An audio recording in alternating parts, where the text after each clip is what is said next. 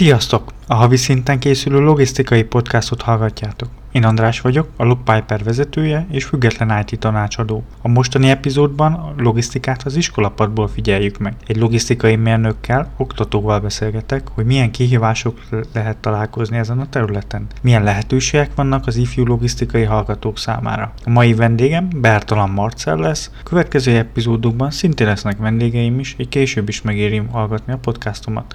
Akkor csapjunk is bele! Arra gondoltam, hogy a podcastomnak itt az első 5 percében gondoljuk át azt, hogy a logisztikai egyesületén dolgozó munkavállalóknak milyen kompetencia igényeik lehetnek. Ha belegondolunk abba, hogy az utóbbi 10-20-30 évben mennyire változott meg a logisztika és az ellátási lánc területe, és ugye, hogy változtak ezek a, az igények, változtak ugye a folyamatok, ez azt eredményezi, hogy e területeken dolgozóktól elvár képességek is folyamatosan változtak. Ma már például egy sikeres logisztikai vezetőnek nem csak ugye az üzleti, logisztikai és menedzsment készségekkel kell rendelkeznie, hanem olyan összetett feladatokat és komplex látásmódot kell elsajátítania, amelyet ugye egy kommunikációs folyamatban, vagy akár egy vezetésben is tud kamatoztatni. Ugyanakkor egy ilyen vezetőnek nagyon fontos ugye, hogy fejlett analitikai és informatikai készségekkel is rendelkezzen, hiszen a logisztika is már elkezdett digitalizálódni ilyen tekintetben, tehát nagyon fontosak ezek a gyors döntéshozatalhoz szükséges készségek. Én úgy gondolom, hogy ezeket a logisztikával kapcsolatos kompetenciákat öt nagyobb csoportba sorolhatnám. Elsősorban ugye vannak ezek az üzleti kompetenciák, mint menedzsment szemlélet, mint menedzsment látásmód. Ezek általában ugye, ugye ezek elég fontosak így a logisztika területén, inkább felső vezetők esetében, de középvezetőnél is nagyon fontos. Akkor vannak az általános kompetenciák, hogy egy kommunikációs, egy kognitív képesség, vannak a viselkedésbeli kompetenciák, vannak a, a szaktudáshoz köthető kompetenciák, tehát egy ellátási láncmenedzsment területéről jövő tudáshalmaz, illetve alkalmazott elemzési módszerek, folyamatoknak a kezelése, ugye ez elengedhetetlen egy ilyen logisztikai szakember számára. Az utolsó csoport, én meg úgy gondolom, hogy ezek a funkcionális képességek, képességek, tehát itt a technológia, az informatikai képességek, az administratív rutinoknak az elsajátítása és a, a kompetenciáknak az elsajátítása. Mielőtt részleteibe is belemennénk, először gondoljuk végig azt, hogy hogyan néz ki egy ilyen logisztikai rendszer, és milyen alrendszeri lehetnek. Hogy kezdtem első epizódjaiban, ezeket már részletesen elemeztük, de alapvetően ugye a logisztikai rendszer az az anyagi áramlások és készletek, valamint a ehhez vonatkozó információk és irányítási folyamatok rendszer rendszere. Alapvetően ugye mindig van egy beszerzési terület, van egy raktározási terület, lehet egy termelési terület, lehet egy disztribúciós terület, illetve lehet egy ugye inverse logisztikai terület, és nagyjából ezek az al területek más és más kompetenciákat szükségeltetek ahhoz, hogy ezeket a folyamatokat, amik ezekben a rendszerekbe keletkeznek, a megfelelő szaktudás mellett el tudja végezni az adott munkavállaló. Azt itt szeretném megemlíteni, hogy bár ezeket a kompetenciákra, amiről most beszélni fogok, ezeket általában ugye nem mindig ugye megfelelően mérhetők, de ugye maga a tényleges teljesítmény, ami ugye egy elvárt egy munkavállalótól, az rengeteg tényező tudja befolyásolni, képességek, készségek, szaktudás, tapasztalat, ez mind-mind ugye befolyásolja így, tehát ezeket, amiket most felsorolni fogok, ezek csak és kizárólag az én véleményem. Arra gondoltam, hogy akkor nézzük meg területenként, hogy milyen képességeket is kell magára szedni az embernek ahhoz, hogy egy jó szakember legyen ezen a területen.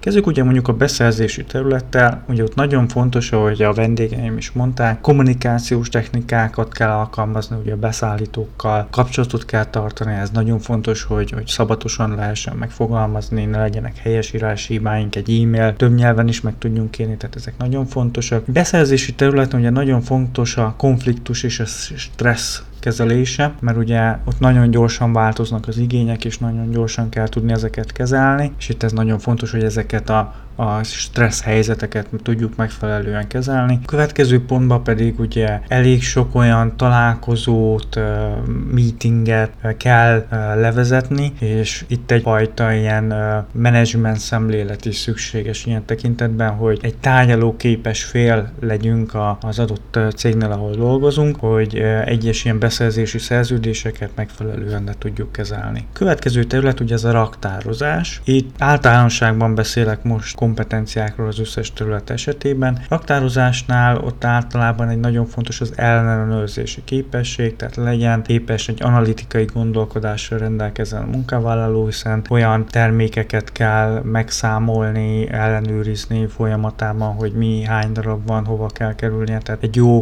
komplex gondolkodás szükséges ehhez. Itt is nagyon fontos ugye a kommunikációs készség, bár itt nem annyira lényeges, tehát nem, nem ez a prioritás ebben az esetben. Itt is a stressz tűrőképesség is nagyon fontos, hiszen folyamatában kell ugye mondjuk egy kiszállítási folyamatot ellátni, tehát ilyen esetben ez fontos.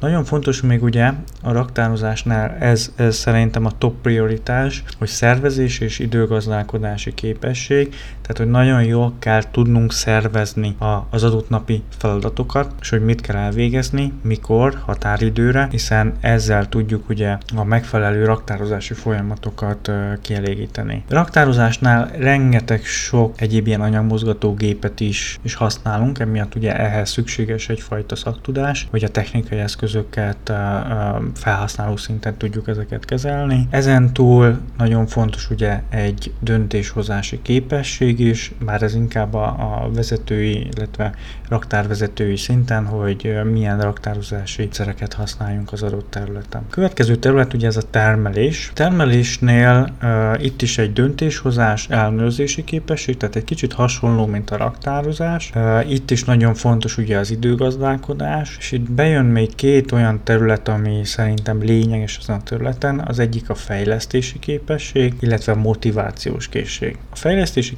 képességet azt úgy tudnám megfogalmazni, hogy egy adott terméknél ugye mindig vannak a megfelelő folyamatok, és ha képesek vagyunk rálátni, hogy hogyan lehetne optimalizálni a termelést, akkor azzal nem csak költséget, hanem akár a munkavállalónak valamilyen motivációt is, is tudunk ezen a területen adni. Következő terület ugye ez a disztribúció. Disztribúciónál Nál ott, ott inkább ugye a kommunikáció, hatékony döntéshozás, ellenőrzés, időgazdálkodás is szintén fontos, és itt bejön egy olyan fő prioritású terület, ez pedig az irányítói készség, tehát disztribúción ugye nagyon fontos, hogy mit, hova viszünk, mikorra kell vinni, tehát hogy irányítunk, vezetői készsége, ez esetben a disztribúciónál ez, ez lényeges. A gondolatmenetem végére hoztam egy példát, amelyik módszerrel a logisztikai területen lévő képességek legnagyobb többsége fejleszthet. Gondolok itt ugye egy kommunikációs, egy tárgyalási készségre, egy ellenőrzési, elemző, probléma megoldó készségre,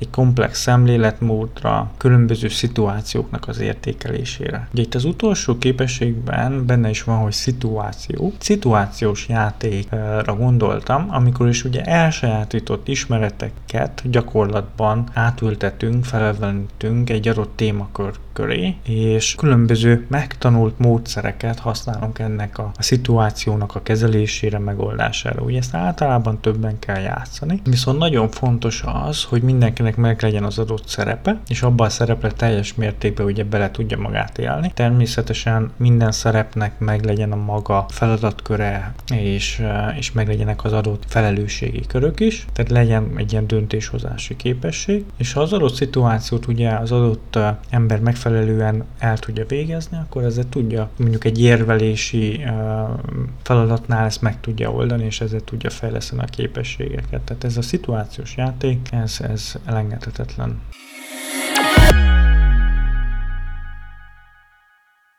Engedjétek meg, hogy bemutassam Bertalan Marcel logisztikai mérnököt és oktatót, a Budapesti Műszaki és Gazdaságtudományi Egyetem tanársegédjét. Én is köszöntök mindenkit a podcast mai adásában.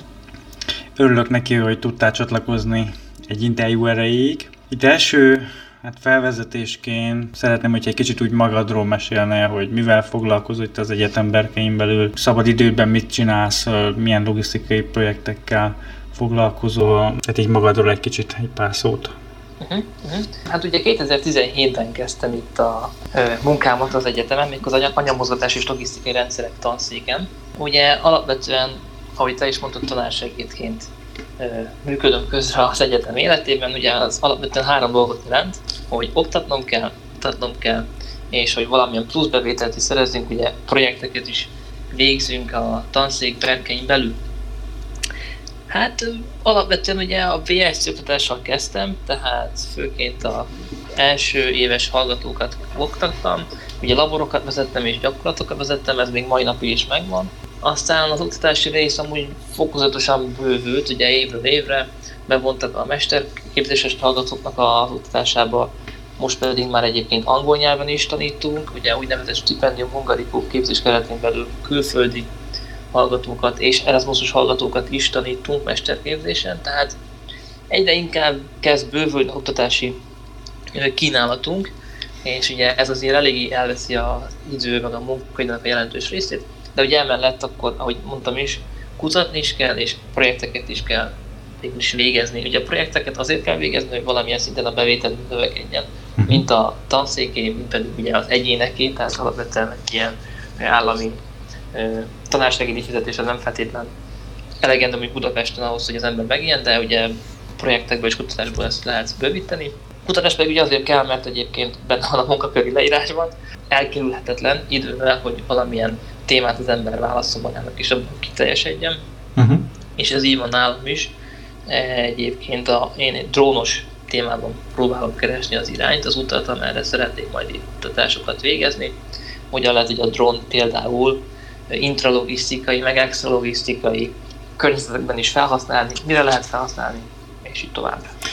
Alapvetően ugye azt tudni kell rólam is, Marciról, hogy együtt kezdtük ugye, hát úgymond a pályafutásunkat a BM-én, így elég mélyen tudjuk a BM-nek a felépítését, illetve a az ottani órarendnek a kialakítását, hogy mit tapasztalsz, hogy változott azóta az órarend olyan tekintetben, hogy könnyebb lett, vagy nehezebb lett? Hmm. Még hmm. mindig megvannak azok a mumustantárgyak, amik, eh, amik korábban is hát nehezek voltak oly, oly mértékben abszolválni őket, mint ahogy terveztük.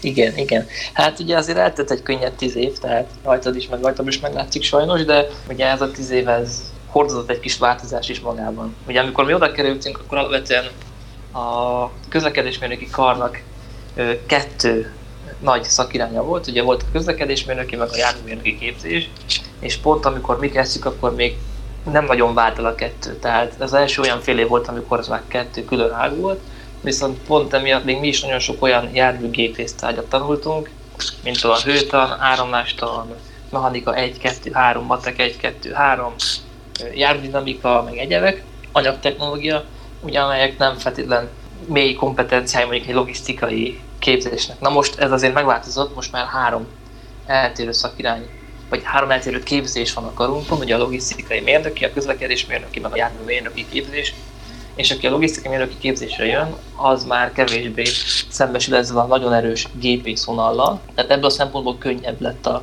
képzés, de persze még most is megmaradtak olyan alapozó tárgyak, mint a mechanika, ami azért valamennyire szükséges is. Vannak kis problémák ugye az oktatás ezen részével is, meg ugye a hallgatók sem mindig látják azt, hogy miért kell ez. Én azt mondanám, hogy szerintem jó, hogyha vannak ilyen tárgyak, mert mondjuk gondoljunk bele arra, hogy egy, abba, hogy egy tehergépjárműre is hogyan kell rögzíteni a tehergépjárműben mondjuk a rakományokat, ahhoz is egy mechanikai tudás kell, egy statikai tudás, hogy hogyan kell lerögzíteni, milyen erők hatnak, stb. Tehát ezeknek az alapozótágnak van, van haszna a logisztikai mérnöki képzésben is, viszont azok, akik oktatják ezeket az alapozó tárgyakat, nem mindig hangsúlyozzák ki kellően e, ezeknek a fontosságát, jogosultságát, és emiatt van az, hogy a hallgatók nem mindig érzik, hogy egyébként ez jó is lehet. Tehát még mindig vannak kicsit ilyen tárgyak, ugye mi is sokat szenvedtünk például a hőtannal, meg az áramtannal. Hát igen, igen. igen, vannak még mindig rémálmok, nem, úgy rémálmok már nem volt egyszerű, meg vannak olyan mechanika egy 2 3 szintén sokat ö, szenvedtünk tanárok miatt is, voltak jók, voltak rosszabb tanárok, ez máig megvan, de szerintem azért egy lassú változást vélek felfedezni, és kicsit kevesebb már az ilyen típusú tárgyaképzésben, és inkább kezdünk el a szakmai tárgyak ellen venni. Például bejött a közlekedés földrajz, ami nekünk nem volt, de szerintem fontos, mert én például személy szerint nem vagyok túl földrajzból. Nekem hasznos lett volna, hogyha tanítják különböző TNT hálózatokat, mondjuk, nem is tudom, volt róla szó, de ugye nem egy tárgy keretén belül, egy konkrét tárgy belül, hanem csak így említés szintjén uh-huh. itt-ott előfordult. Szóval vannak irányok, most már nincsenek a szakosodások, tehát már ez is kiment, tehát minden egyes logisztikai mérnök ugyanazt tanulja a, a BSC 7 fél év alatt. Így például még nekünk mondjuk kellett ugye akkor még, nem is tudom, hogy hívták ezt, szerintem nem szakirány, hanem specializációt választanunk, ugye volt szállítmányozás, volt műszaki logisztika, meg logisztikai igen. folyamatok. Most már itt nincs, tehát mindenki tanul mindent, ami azért jó, mert egy általánosabb kompetenciát kap. Hát szélesebb látókört kap ilyen tekintetben. Így van, így van, így van. És majd az MSC vagy a mesterképzésnél majd már lehet egyébként szakosodni, de az alapképzés az legyen már olyan, hogy akkor abban minden benne van, és tényleg van egy általános látásmódja a hallgatónak, amikor kimegy. Uh-huh. Úgyhogy változott, de jó irányban. És akkor most úgy gondolod, hogy egy, mondjuk ha valaki logisztikai mérnök szeretne lenni a BM-én, akkor egy olyan fokú tudásanyagot szed magára, attól függetlenül, hogy most tanul-e mechanikát, vagy hőtlant, vagy, vagy egyéb ilyen tárgyakat, hogy azzal később is meg tudja állni a helyét a piacon.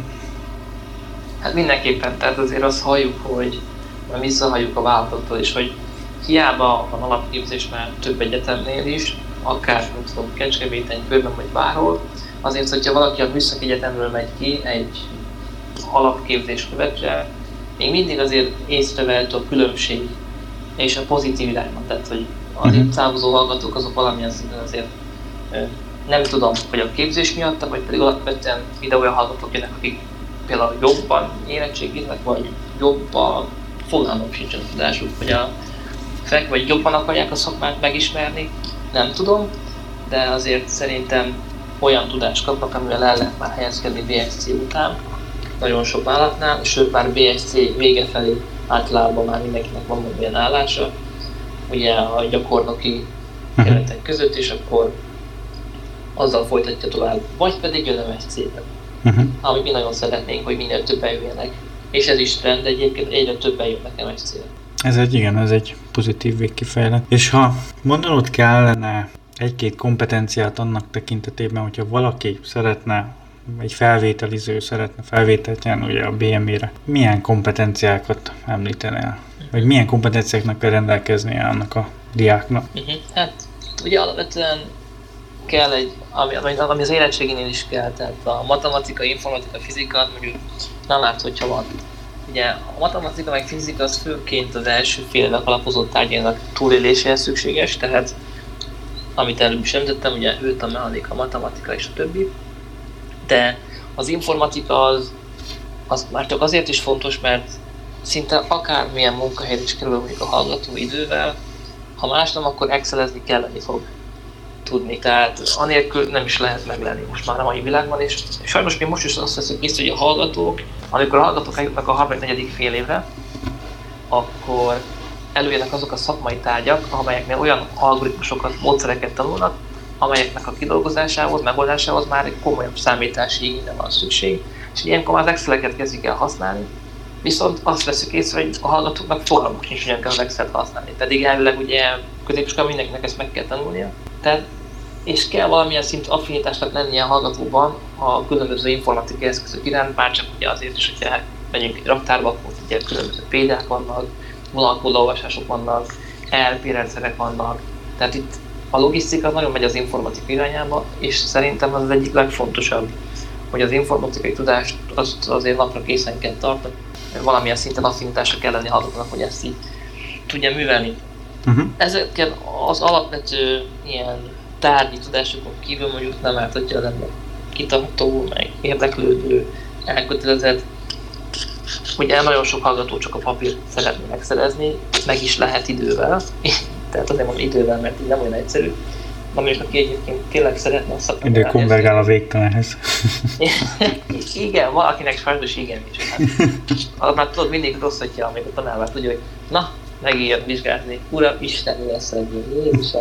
Már így állunk hozzá mi is, mert nem, tudom, a hatodszorra próbálkozik a vizsgán, a szóbeli mondjuk, az már baj, tehát ott akkor valami probléma van.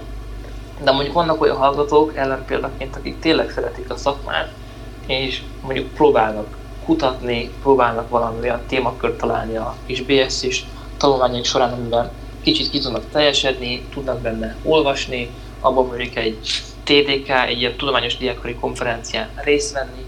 Uh-huh. Tehát vannak ellenpéldák is, tehát mindegyik irányból vannak, de szerintem most azt vettem észre, hogy kicsit így megyünk a, az inkább a szakmát tudni vágyó emberek irányába.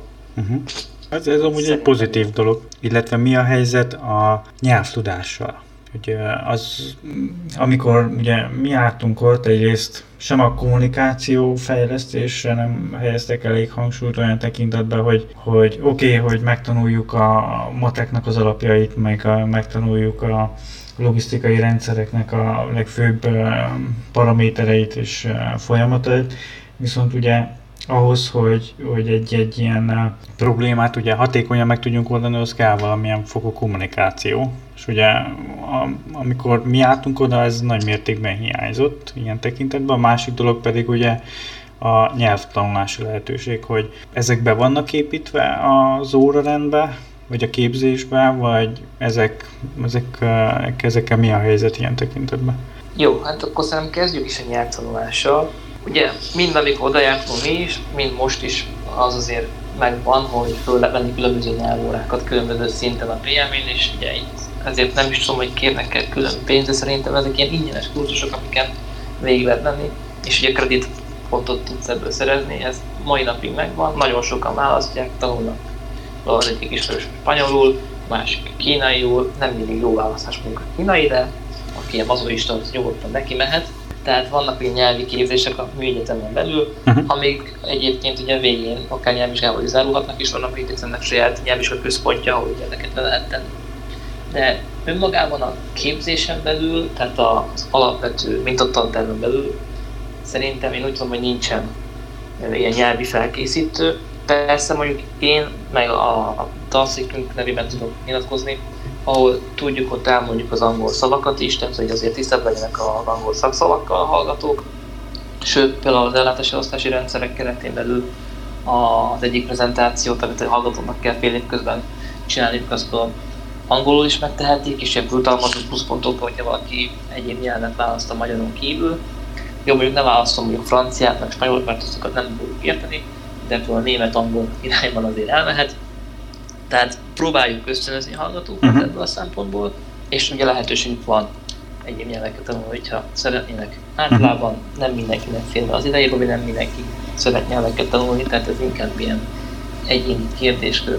A kommunikáció egy másik jó kérdés, ugye egyre több prezentációs feladatok a hallgatóknak, pont azért, hogy kicsit gyakorolják azt, hogy milyen kiállni valaki elé és elmondani azt, amit ők gondolnak.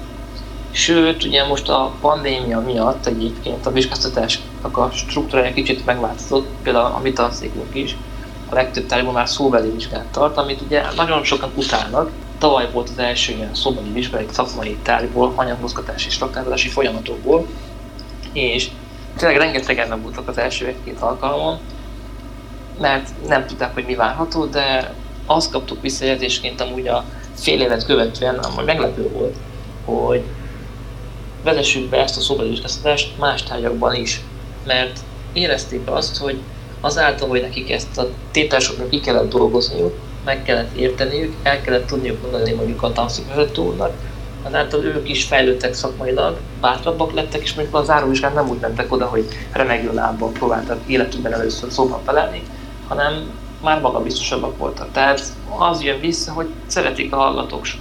Ahogy, tehát ez, ahogy nekem ez meglepő, mert én személy szerint egyébként utálom a szobári vizsgálatot, mert utáltam, amikor oda jártam az egyetemre. De azok, akik egyébként tényleg ezt értékelik, azok tudják azt, hogy ez egy jó dolog. Uh-huh. És, de egyébként, hogy a más tanszékek, más cseréban milyen szinten kell kommunikálni, megszólalni, azt nem tudom.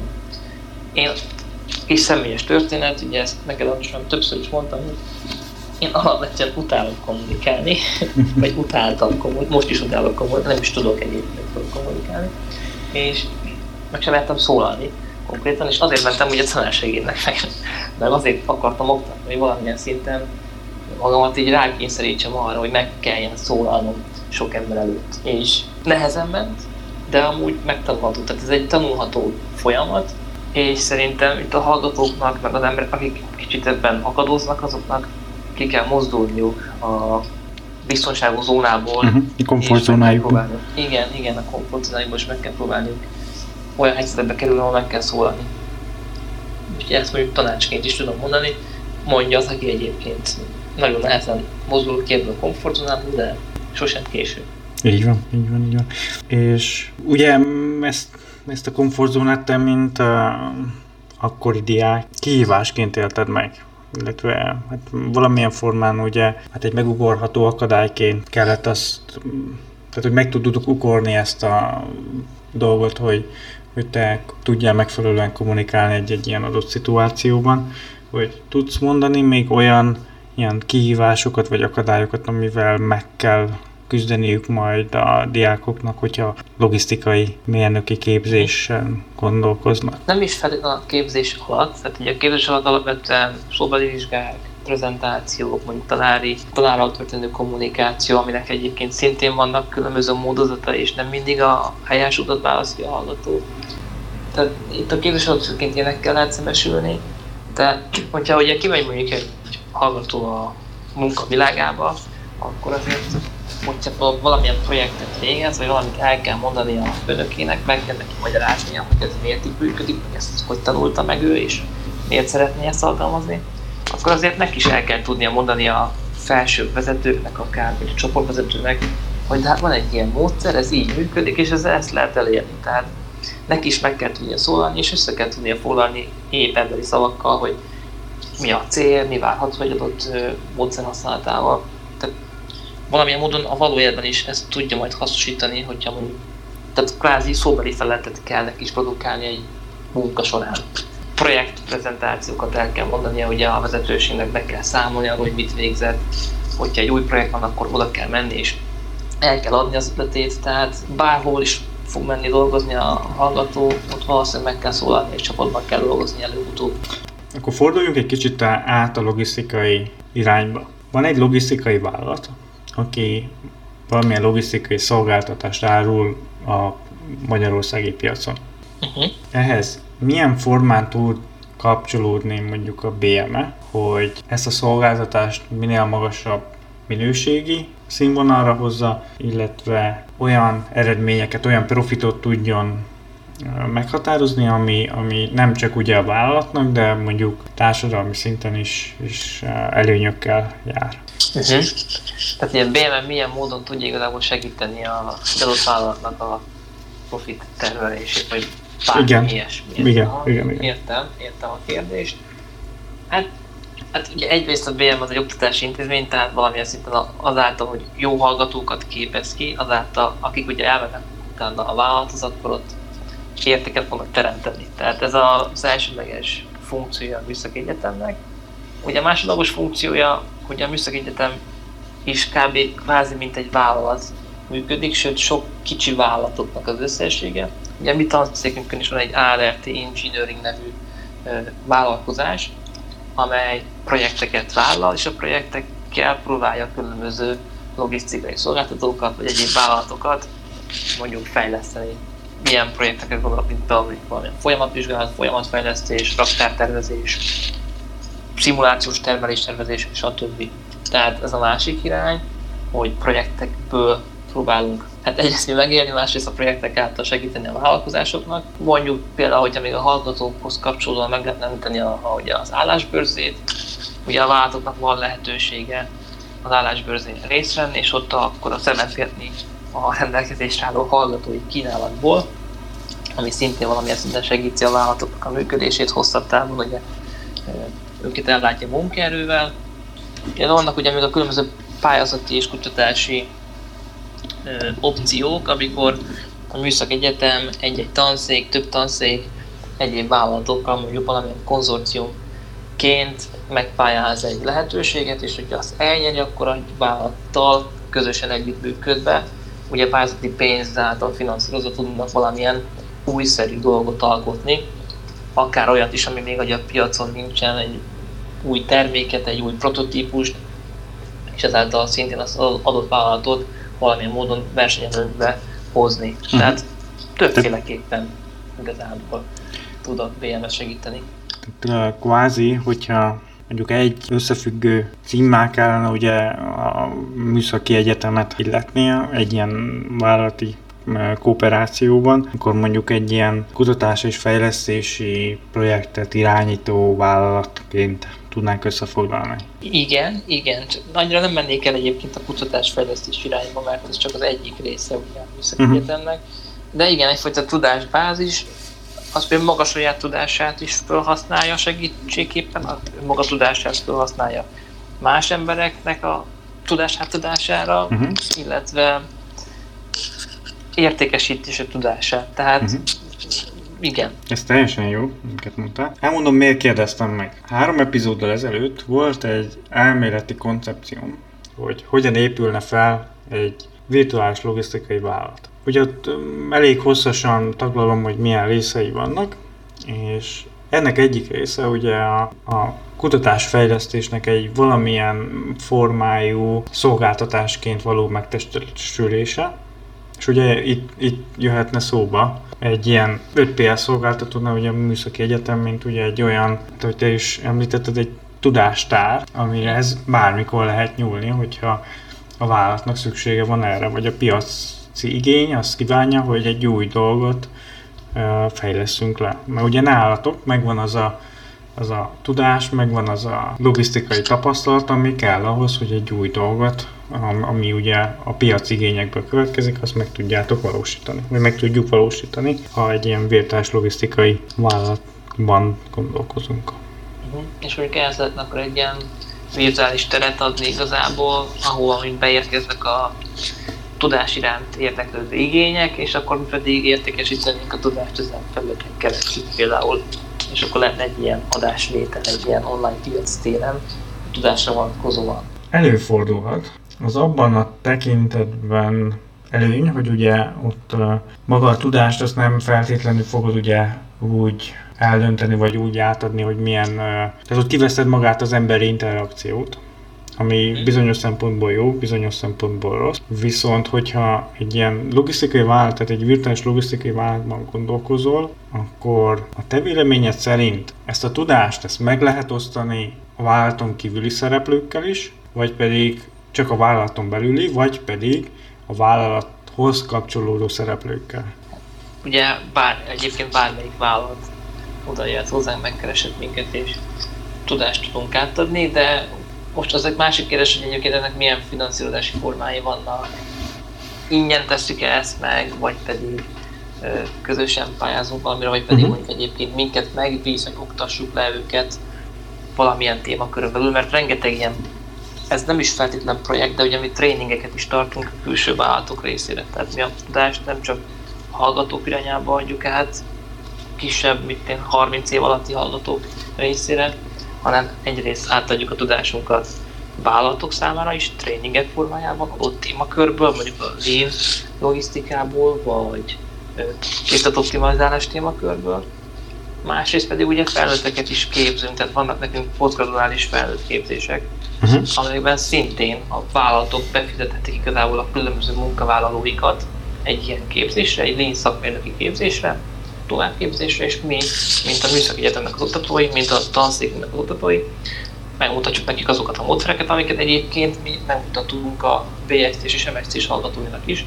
De hogyha nekik nem volt lehetőségük erre, akkor jöhetnek nem csak mérnöki diplomával, vagy oklevéllel erre a képzésre, ahol megtanulják szintén ezeket a kis módszereket, amiket használnak uh-huh. a vállalatoknál. Tehát úgy gondolom, hogy a tudásátadásra rengeteg platform rendelkezésre, akármilyen vállalatról is legyen szó.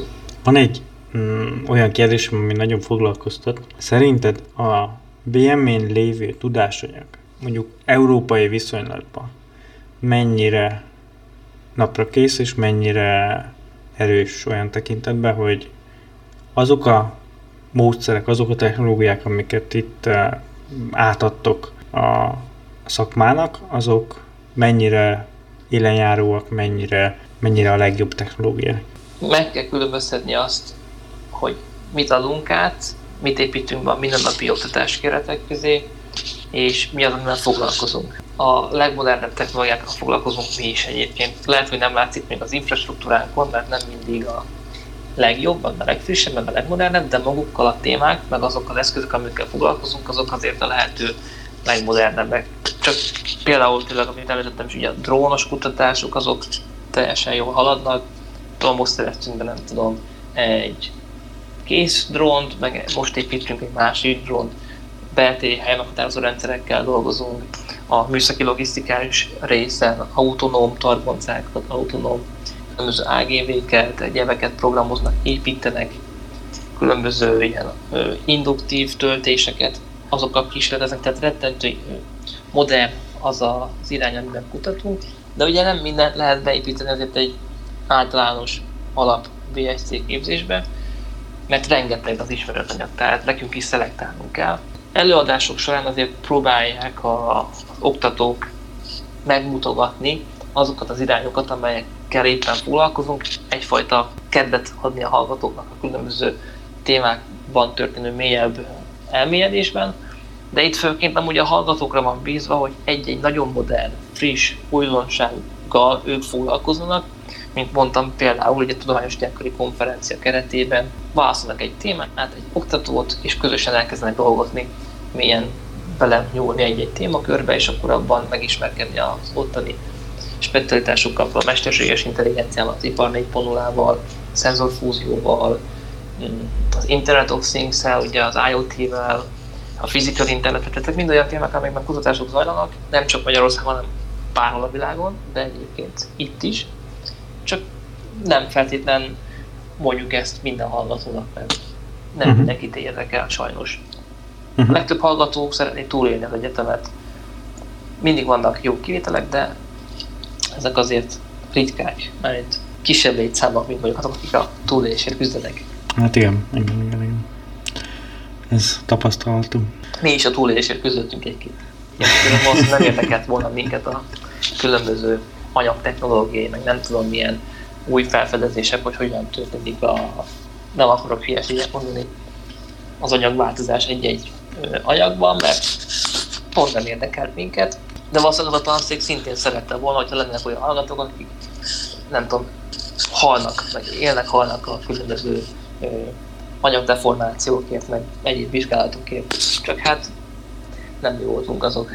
Van-e még valami, amit el akarsz mondani a hallgatóknak, de még nem volt rá lehetőséged? Igaz, hogy mindig elmondom a hallgatóknak, de azért itt is szeretném elmondani, hogy van nekünk egy ilyen mesterképzésünk, ami annyiban különbözik a BSC képzéstől, hogy mondjuk ott az ember már tanul is komolyabb tervezési metódusokat, algoritmusokat, amelyeket használhatnak komolyabb projekteknél is.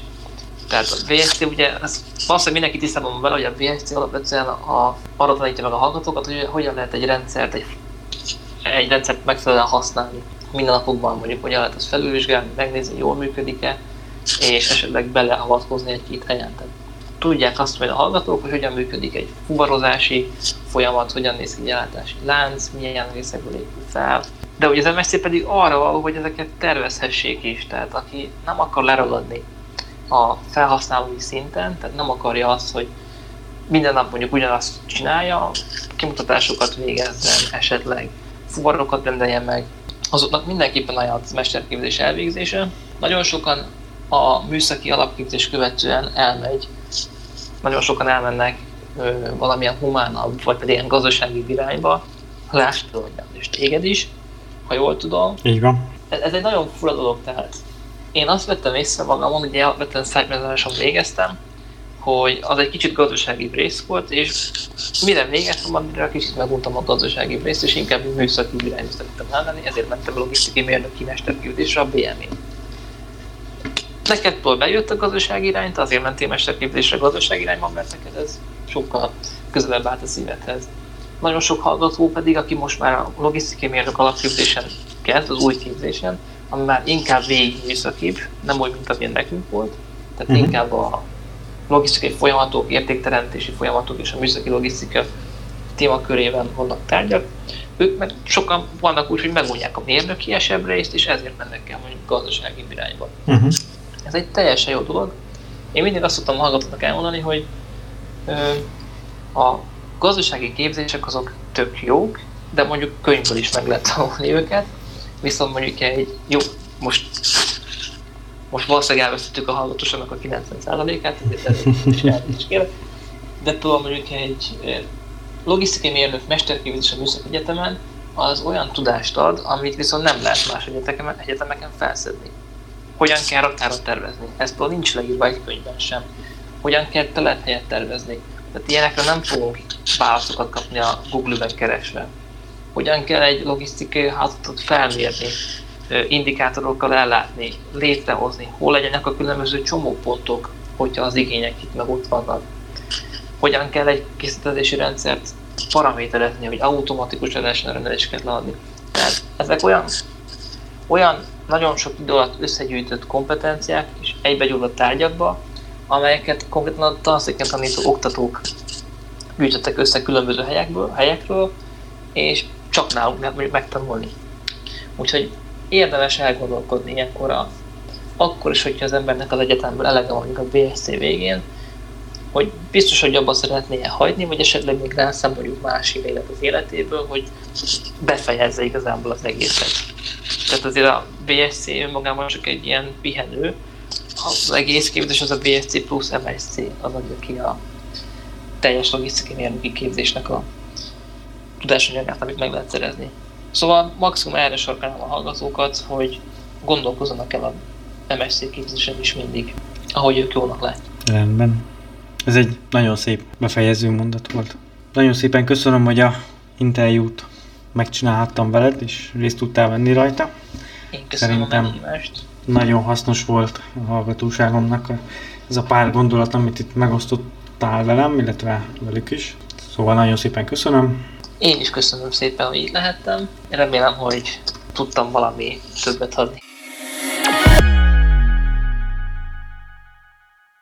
A mai epizódban bepillantottunk egy oktató napi feladataiba. Megnéztük, hogy milyen kompetenciák szükségesek ahhoz, hogy valaki egy kiváló logisztikai szakember legyen. Következő epizódokról már a weboldalamon tájékozódhattok a logpiper.hu-n. Keresetek rá, és iratkozzatok fel a hírlevelemre. Köszönöm szépen a figyelmeteket. Következő részben találkozunk. Szevasztok!